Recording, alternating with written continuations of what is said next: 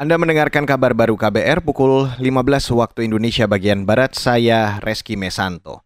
Saudara Presiden Joko Widodo meluncurkan mobil listrik Ioniq 5, mobil listrik pertama yang diproduksi untuk memenuhi pasar Indonesia maupun ekspor.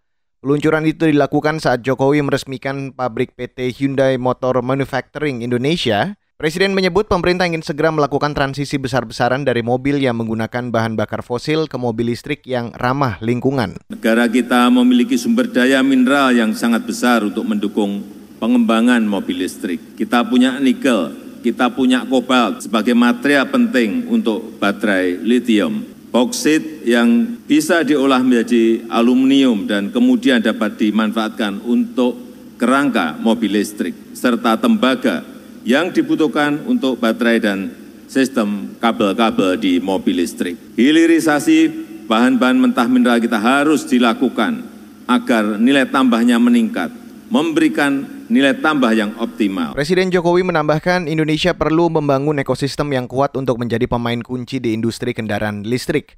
Sebab tanpa ekosistem yang memadai, Indonesia akan sulit bersaing dengan negara lain dalam membangun industri mobil listrik. Beralih ke Papua, Saudara. Kepolisian Papua menyelidiki dugaan adanya provokasi saat unjuk rasa menolak rencana pemekaran Provinsi Papua di Kabupaten Yahukimo kemarin. Insiden itu menewaskan dua demonstran. Kapolda Papua, Matius Fahiri menyebut, unjuk rasa yang awalnya aman berakhir rusuh. Pada saat uh, selesai inilah yang terjadi uh, gesekan gesekan dari masyarakat sendiri mungkin ditambah ada yang memprovokasi sehingga masyarakat lain itu melakukan aksi-aksi terhadap bangunan-bangunan ruko yang ada di sekitar eh, kantor uh, Kominfo di Kabupaten DKI. Sehingga terjadi bentrok masa dan pembakaran-pembakaran uh, meluas di beberapa titik. Kapolda Papua Matius Fahiri menduga ada beberapa pihak yang menjadi provokator, namun keterlibatan mereka masih didalami. Dia tidak ingin berspekulasi dengan menuduh kelompok tertentu sebagai provokator sebelum ada bukti-bukti yang memadai.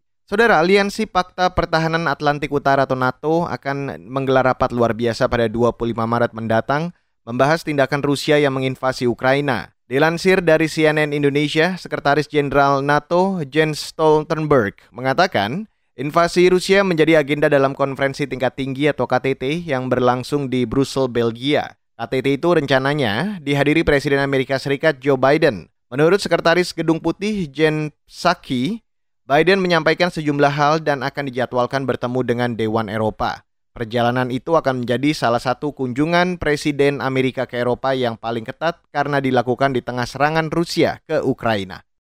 Dan saudara, demikian kabar baru saya Reski Mesanto.